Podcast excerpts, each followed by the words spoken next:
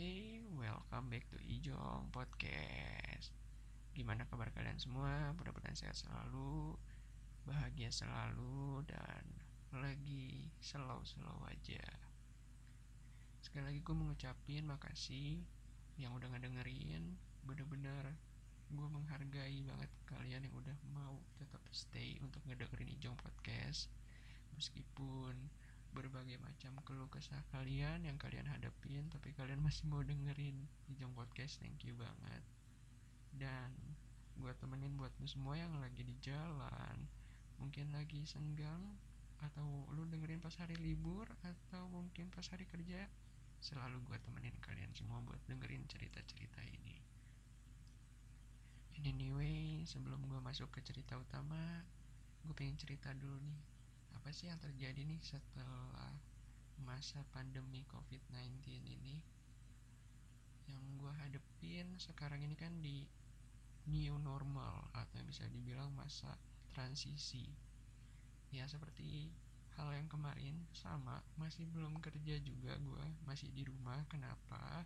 Karena perusahaan di tempat gue bekerja masih tidak memperbolehkan untuk karyawannya masuk ke dalam kantor karena ya benar juga takut ada sesuatu yang efek sampingnya bakal lebih merugikan perusahaan. Benar sih memang. Tapi ya ada sedikit kebosanan ada sedikit kesenangan. Tapi lebih banyak senang sih. Ya gimana ya? Orang-orang sih pasti ada yang ngerasa bosan tapi gua tetap ngerasa senang ya siapa yang nggak senang kalau memang lu kerja di rumah dan lu tetap digaji ya siapa yang nggak mau gitu. Lu dapat uang tapi santai-santai di rumah nggak terlalu sibuk. Semua orang juga mau lah pasti. And anyway yang gue tahu dari pemerintah yang gue baca juga di salah satu artikel bahkan gue tonton di TV kalau yang new normal ini udah beberapa udah boleh buka ya uh, sektor bisnis. Apalagi kayak mall yang biasa kita datengin itu udah boleh kita datengin. Tapi nggak semua mall sih ada beberapa.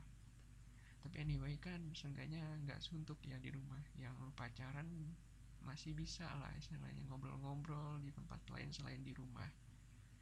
Dan tapi yang gua nggak tahu nih bioskop nih bioskop masih belum dapat info kita boleh nonton atau enggak di sana. Karena katanya masih belum bisa dibuka. Soalnya kan masih dalam tahap. Itu kan disebutnya kayak kita berkerumun ya di dalam suatu tempat. Jadi masih nggak boleh. Makanya yang diperbolehkan hanya mallnya saja. Dan gue belum tahu nih lucu kali ya kalau di zaman sekarang ini kalau dibilang new normal kan berarti kan kalau kita datang ke sebuah mall pingin nyobain baju atau apa kalau dulu sebelum adanya virus ini kan kita masih nyantai ya nyobain masih bisa. Ya udah sembarangan lu megang sana sini baju celana nggak masalah. Tapi kan kalau zaman sekarang Bray aduh kenapa gue bilang lucu? Ya mungkin salah sih tapi gimana ya? Soalnya lu mau nyobain sesuatu pasti bakal riskan gitu gak sih? Lu bakal takut. Karena kan ya lu nggak tahu itu bekas siapa lu pegang gitu loh. Makanya masa ya setiap megang baju yang lu cobain lu harus pakai hand sanitizer. Atau lu harus semprotin desinfektan dulu tuh di tempat lu buat ruang ganti bajunya. Ya kali kan nggak mungkin gitu. Cuman ya susah sih. Ya namanya virus namanya takdir yang kayak gini kan kita nggak tahu. Ya ya udah semampu kita kita jalanin aja udah segalanya yang ada di sini. Ya tetap berusaha sebaik mungkin agar kita sehat keluarga sehat dan ya semua orang yang kita kenal sehat lah. Pemerintah udah baik banget buat tetap melonggarkan ya PSBB ini. Kita bisa keluar ya alhamdulillah banget. Gue seneng juga ikut berpartisipasi untuk menyenangkan ke orang-orang lain juga. Oke okay. gue gak mau terlalu lama. Ya itu sih. Gue pengen ngebahas sedikit tentang yang terjadi lah di Juni ya. Uh, Juni tahun 2020 bulan Juni bener. Tetap bulan Juni lah. Masa bulan apa lagi anjir? Orang ini mulai di bulan Oke, okay, uh, eh, gue bakal masuk di topik utama. Kali ini gue bakal ngebahas tentang menangis. Pasti agak aneh sih kalau gue ngomong tentang menangis. Kenapa? Banyak orang yang bakal berpikir wajar nggak menangis buat cowok. Kayaknya nggak wajar deh. Ada yang bilang wajar. Nah, gue tahu. Lo semua bakal berpikir nggak wajar cowok menangis. Tapi gue masih berpikir itu wajar. Kenapa wajar? tetap stay itu terus di hijau podcast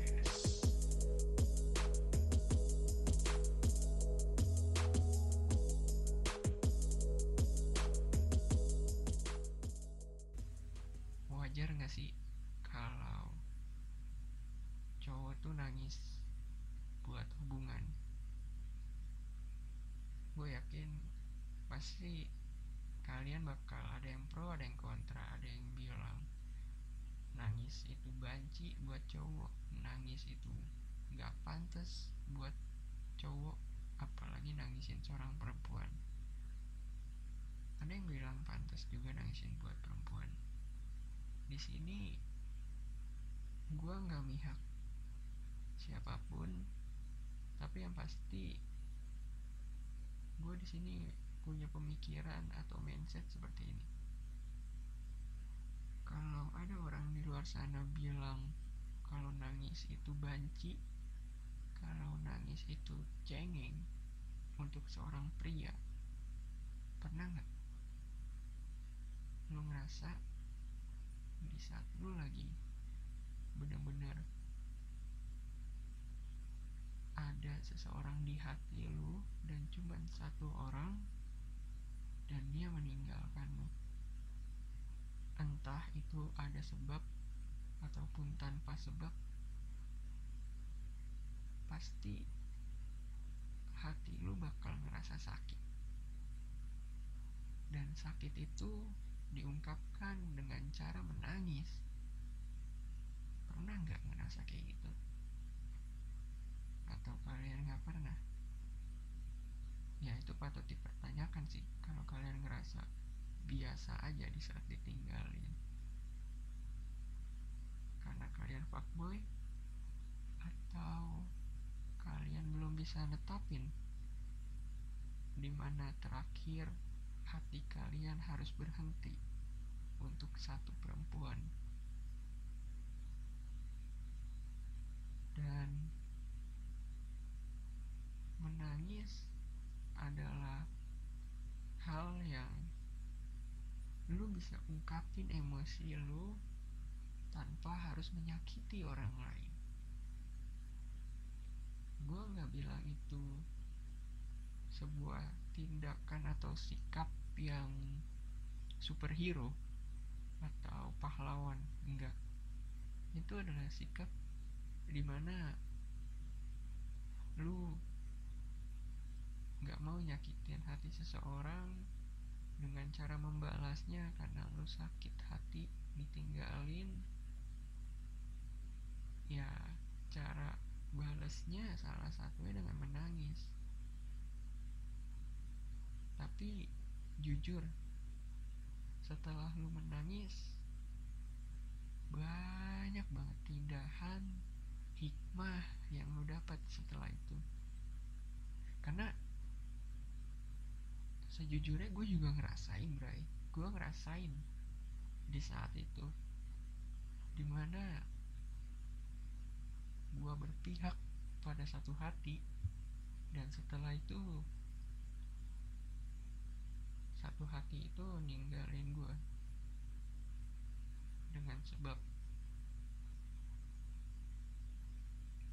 gue juga sampai bingung bray gila ya ditinggalin dengan sebab aja itu sakit. Apalagi tanpa sebab. Jadi menangis tuh wajar sih buat cowok jika ditinggalin. Cuman ada cuman ya tahu posisi. Kenapa posisi? Ya harus harus tahu lah istilahnya berada di mana nih saat lu harus menangis atau hati lu lagi kecewa? Karena pada dasarnya ya kalau lu nangis di depan umum pingin dilihat orang-orang ya nggak wajar. Tapi kalau lu nangis sendiri di saat lu lagi galau sendiri itu wajar wajar banget. Dan gue malah berpikir bahwa orang-orang di luar sana yang menyikapi dia kuat di saat dia ditinggalkan dilihat sama teman-teman sama orang tua atau bahkan sama semua orang tapi di belakangnya dia nangis itu bukan cemen itu bukan istilahnya dia itu cengeng. Dia itu lagi butuh meluapkan isi hati dia bukan dengan cara emosi membanting barang ataupun lain-lain bukan. Dia mengungkapkannya dengan menangis. Dan gue lebih apresiat sih dengan orang-orang kayak gitu bukan loser mereka tuh bukan pecundang. Mereka hanya mengungkapkan isi hati mereka lewat menangis. Dibandingkan lu meluapkan isi hati lu dengan merusak orang lain ya lu sebagai cowok di saat lu ditinggalin sama satu hati dan lu ngerasa itu nggak wajar lu ngerasa dendam akhirnya lu melampiaskan ke wanita lain atau ke seseorang yang lain. Itu sangat amat teramat tercela sih menurut gue sikap buruk dan nggak pantas. Ya kalau boy nggak segitunya juga buat ngehancurin hati cewek mana pun gitu di saat lo ditinggalin. Ada kalanya lo harus move on tanpa harus melampiaskan. Dan menangis itu menurut gue banyak banget yang lu bisa lampiasin dari sisi emosi udah terluapkan. Kemudian dari sisi batin juga ngerasa apa yang ada di hati lu tuh amat teramat sakit dan lu ungkapin lewat menangis. Lelah. Jangan salah lo Bray. Kenapa gue bisa bilang lelah orang nangis itu yang bener-bener nangis ya. Sama beratnya dengan orang yang lagi bekerja keras. Kenapa? Iya seperti itu beratnya. Karena mereka memakai hati. Menangisnya benar-benar dirasa dalam diri sama seperti orang bekerja. Orang bekerja keras mereka kan pakai tenaga. Mereka juga benar-benar berusaha kan? Sama. Yang mereka nangis pakai hati mereka berusaha. Berpikir dalam hatinya harus seperti apa hingga meluapkan dengan cara menangis. Bahkan ada sekian banyak orang di luar sana yang sampai putus asa dengan cara menangis pun mereka belum bisa meluapkan. Banyak banget dan berbagai cara mereka lakukan mereka lampiaskan untuk menghilangkan pemikiran-pemikiran yang telah ditinggalkan oleh seseorang. Ya jangan sampai sih kalau menurut kalian menangis kurang cukup berdoa. Tapi kalau menurut kalian dengan nangis nggak cukup dan kalian melampiaskan atau kalian merasa kalian udah nggak pantas hidup di dunia ini pikirin lagi. Karena sewajarnya adalah kalian memang ditinggalin. Kalian memang udah gak berpihak dengan pasangan kalian. Tapi yakin banyak di luar sana yang membutuhkan kalian. Jadi istilahnya adalah jangan kalian memperlakukan dengan hal yang lebih buruk dibandingkan menangis itu nggak wajar dan banyak banget yang lebih ngerasa kehilangan kalian. Gitu loh. Kalau kalian berpikir kalian ingin menghabiskan hidup kalian atau melampiaskan ke orang lain karena dendam kalian ditinggalkan karena menangis itu kurang cukup pikirin lagi deh Bray soalnya apa yang lu lakuin itu belum tentu semuanya akan kembali seperti sempurna. Ataupun yang kalian lakukan itu nggak akan kembali lagi seperti dahulu kala. Buat apa kalian ngelakuin itu biar dilihat sama mantan kalian? Belum tentu bray. Jadi sewajarnya kalau kalian ingin menangis lampiaskan dengan menangis itu udah hal yang lumrah sih menurut gue dan teman-teman gue juga kalau yang gue bilang sahabat ya mereka sempat cerita ke gue dan mereka yang benar-benar emang nakal dan fuckboy mungkin bisa dibilang. Tapi setelah mereka menemukan satu hati atau mendambakan satu orang dan mereka akhirnya bertemu berpasangan dan ditinggalkan hati mereka sakit. Mereka menangis dan itu wajar. Apalagi teman-teman gue lebih gede gitu badannya daripada gue dan ya lebih maco. Cuman kalau untuk soal perasaan nggak ada yang tahu Ray perasaan tuh ya berlabuh begitu aja. Di saat lu sakit sama perasaan lu ya lu nangis lu bisa lampiasan ya udah. Mungkin itu cara yang harus dilakukan gitu bahkan teman-teman gue sendiri ada yang berpikir bahwa dengan cara nangis apalagi deket sama pasangannya membuat tangisan yang dia buat itu adalah sesuatu hal yang bisa dibilang menarik perhatian pasangan lu lagi. Lebih baik jangan deh Bray.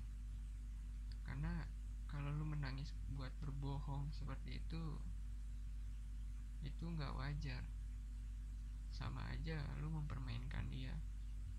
Seolah-olah lu berpikir bahwa lu nangis di depan dia tersendu-sendu sebenarnya hati lu nggak terlalu nangis biasa aja atau bahkan ya sedikit lah menangis. Cuman nggak sampai istilahnya nangisnya kencang gitu loh.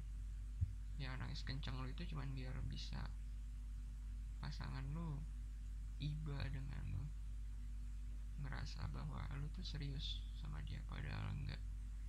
Jangan. Karena menangis itu bukan senjata utama lu bukan senjata biar pasangan lu bisa balik lagi sama lu bukan.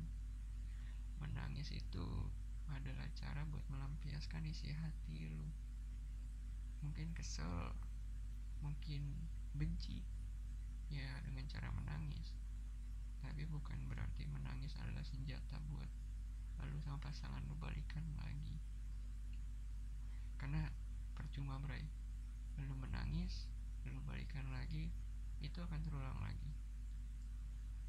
Kebencian kebencian itu akan ada lagi. Percaya deh sama gue karena nangis lu itu ya nangis bohongan bukan nangis yang emang lu ngerasa dalam hati bener-bener ditinggalin atau lu berpikir gue kayaknya gak akan sama dia lagi nih aduh gue sedih banget gue takut banget. Nah bukan yang kayak gitu. Cuman lu ngerasa kayak lu gue kalau ditinggalin dia gimana ya?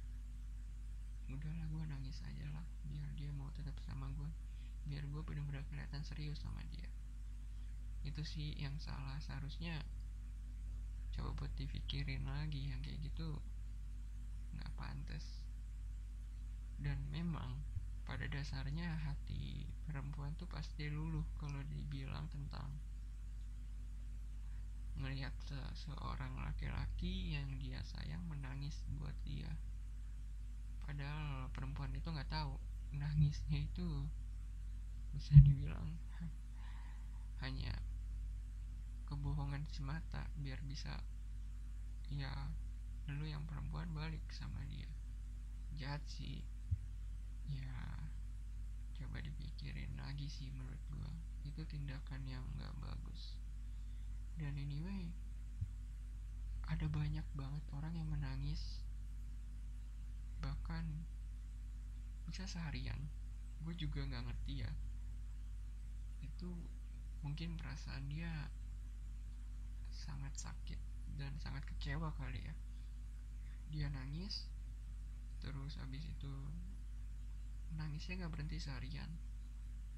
Dan berujung gak mau makan gak mau keluar kamar gak mau berpikir positif pikirannya negatif mulu ditinggalin lah atau dia pacaran sama yang lain lah atau bahkan dia udah nikah sama yang lain lah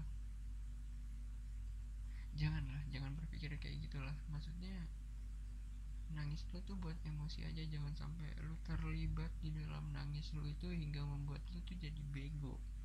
Jadi blow on sendiri. Cukup hati lu aja yang nangis. Jangan akal sehat lu juga ikutan nangis. Itu udah gak waras. Yang berlalu biarin berlalu dengan cara tangisan lu nggak harus lu luapin.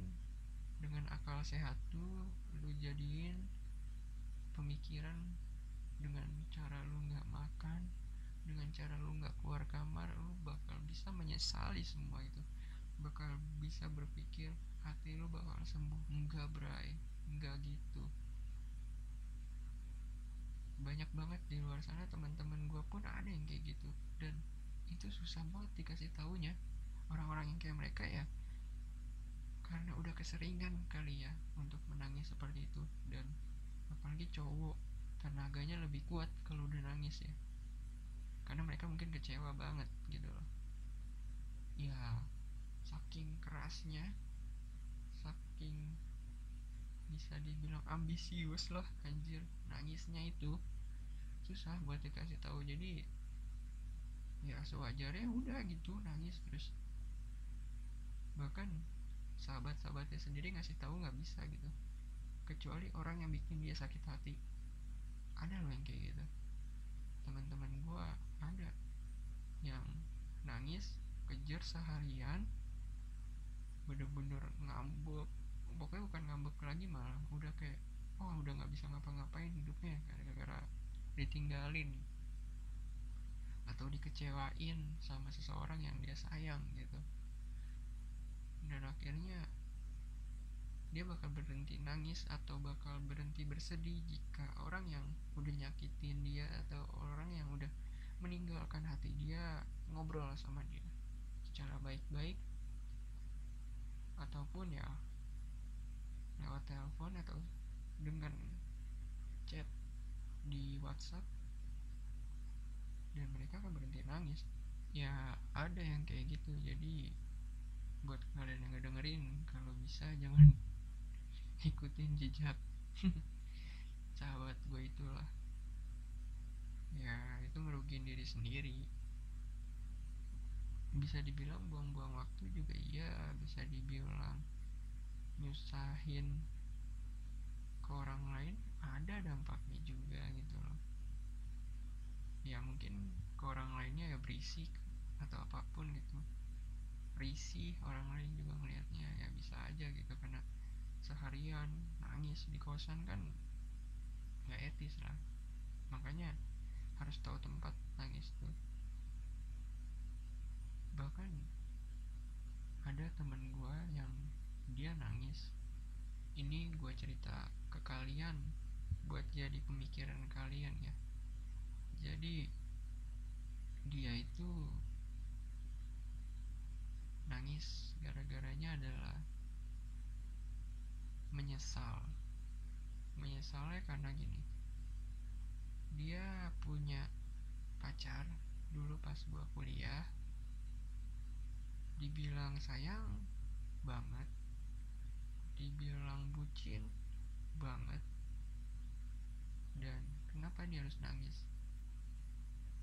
Nangisnya adalah bukan karena ditinggalin begitu saja dengan sebab yang biasa oleh pacar perempuan ini Bray. Tapi ditinggalinnya adalah secara yang gak wajar tapi dengan sebab. Ya mungkin ada yang bisa nebak lah ya apa itu. Kalau yang bisa nebak ya kalian hebat sih. Hmm. yaitu ditinggalin dengan sebab karena meninggal. Meninggalnya itu ya bukan sama temen gue ini melainkan ya kecelakaan tunggal. Dan temen gue ini nangis. Bisa dibilang sampai sekarang pun masih keinget kali ya terakhir gue ketemu sama dia dulu ya udah lama kali ya. Tapi sampai sekarang gue yakin masih keinget loh sama dia. Karena kenapa? Terakhir gue berbincang atau ngobrol sama dia dia bilang ke gue bahwa gue gak akan pernah ngelupain dia. Katanya gitu. Gue akan selalu nangis buat dia. Jadi singkat cerita meninggal itu kecelakaan tunggal di saat dia pulang kuliah mau ke kampungnya gitu. Udah pamit sama teman gue ini udah bilang bahwa dia mau pulang ke rumahnya karena kangen sama ibunya. Dan teman gue ini ngasih pulang ya izinin pulang lah istilahnya. Dan akhirnya dia pulang pacarnya ini dan teman gue tiba-tiba dapat kabar jam berapa ya kalau nggak salah jam 9 jadi ada orang ngabarin kalau pacarnya ini ada di rumah sakit kritis gara-gara kecelakaan tunggal. Jadi si pacarnya ini bawa motor pulang ke daerah mana ya gue lupa. Kalau nggak salah itu Jatinangor apa kalau nggak salah ya ke daerah Jatinangor dari Bandung. Nah mungkin karena lelah pacarnya ini nggak berhenti di jalan jadi langsung pingin sampai tujuan. Akhirnya kelelahan nabrak. Dan pas keadaan kritis teman gue ini minta buat diantar waktu itu diantarnya sama gue sama satu lagi teman gue jadi bertiga di mobil itu. Mau menuju ke rumah sakit tempat teman pacar gue ini dirawat. Pas di tengah jalan nggak taunya keadaan berubah. Pacar temen gue ini meninggal. Jadi di situ dia benar-benar nangis. Karena dia berpikir seharusnya dia bisa nganterin yang di pikiran dia itu dan agar nggak terjadi seperti ini gitu loh. Dan dia berpikir juga kenapa harus gue kasih izin kata dia. Tapi ya itulah Bray takdir memang gak ada yang tahu gitu loh. Nyampai di rumah sakit itu singkat ceritanya dia ke ruangan jenazah dan minta izin ke pihak setempat buat melihat raut wajahnya dan ternyata benar yaitu pacarnya akhirnya teman gue bener-bener nangis tapi gue suruh dia kuat karena apa? Ini harus ngabarin orang tuanya kalau dia masih nggak bisa tegar kasihan orang tuanya yang nanti bakal ngedengar cerita ini gitu loh. Jadi akhirnya dia ngabarin orang tuanya dengan sikap tegar padahal itu wah gila itu nangis. Udah nggak ketolongan gitu loh nangisnya udah mata sembab apa wah pokoknya itu baju udah basah deh pokoknya dia. Inget gue gue inget banget. Pas teman gue matanya tuh udah udah wah udah hampa udah kosong banget karena ngeliat pasangannya tuh udah terbujur kaku gitu loh. Dan akhirnya setelah ditelepon beberapa jam kemudian orang tuanya datang melihat semua gitu ya singkat dikubur semuanya. Dan jujur temen gue sampai sekarang pun masih menyesal. Padahal bukan salahnya dia sebenarnya. Mungkin almarhum ini udah minta izin buat pulang gitu loh pulang ke rumah orang tua dan ya meskipun ya nggak diizinin sama teman gue mungkin dia tetap akan pulang. Mungkin tapi bisa jadi enggak cuman ya baik lagi udah takdir terakhir yang gue sampein ke teman gue ini cuman bilang gini gue Bray yang berlalu biarlah berlalu. Mungkin gue nggak ada di pihak lu sekarang. Dan mungkin gue nggak ngerasain hati lu yang terdalam seperti apa. Tapi gue yakin sebagai cowok lu mungkin menyesal tapi lu pikir lagi dampak apa ke sananya di saat lu seperti ini terus? Ya sejujurnya kalau yang ngedenger ini dia pun sampai kuliahnya berantakan di saat kehilangan seseorang yang dia sayang banget. Dan akhirnya setelah semua pemikiran dia seperti itu gue cuman bisa diam gitu loh. Dia tetap terpaku dengan pemikiran. Kalau dia bakal terus mengingat nggak akan pernah ngelupain. Dia bakal terus nangis. Ya udah susah sih Bray. Kalau udah diomongin kayak gitu kita sebagai sahabat yang ngasih tahu pun mau gimana gitu loh udah pemikirannya kayak gitu ya nggak bisa diubah. Udah susah lah istilahnya. Sebaik-baiknya sahabat tapi kan yang punya pemikiran bukan kita orang itu. Jadi ya di mana pun teman gue ini sekarang berada gue selalu doain sih yang terbaik. Semoga istilahnya sama yang di atas diberi ketabahan hati agar dia pun bisa lebih tenang gitu loh buat menyikapi apa yang udah terjadi. Jadi di sini menangis tuh banyak sebab sih Bray. Kalau gue bilang ya. Dan menangis buat cowok itu bukan hal yang cengeng bukan hal yang istilahnya tabu gitu. Lumrah kok cowok tuh nangis tuh lumrah karena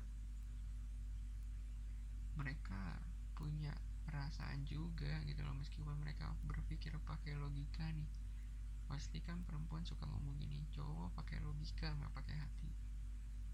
Iya mereka emang pakai logika. Tapi di saat mereka udah sayang sayangnya udah memilih satu hati itu di hatinya dia di saat kehilangan dia bakal sedih dan amat teramat nangis. Dan itu wajar. Jadi buat kalian di luar sana yang merasa takut nangis gitu ngerasa nggak dewasa atau ngerasa kalian cengeng nggak berai salah. Sekali lagi gue bilang itu salah karena itu adalah hal yang wajar di saat hati lu ingin meluapkan emosi. Dan itu bukan sebuah hal yang tabu buat diungkapin kalau lu harus bercerita sama sahabat terdekat lu ya tapi ya istilahnya ditenangin lah kayak gitu. Dari cerita gue ini coba lu ambil deh hikmah-hikmahnya dari menangis seperti apa. Dan jangan lu berbohong karena buat nangis biar bisa narik perhatian pasangan lu atau pacar lu buat sama lu lagi karena nantinya itu juga bakal terulang lagi gitu. Berantem itu bakal terulang.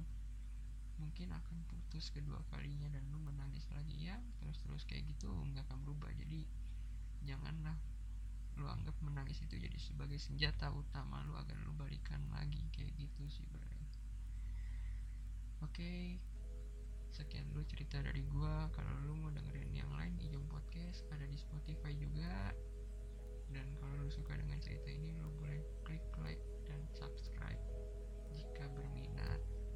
Thank you banget. See you next time safety and bye bye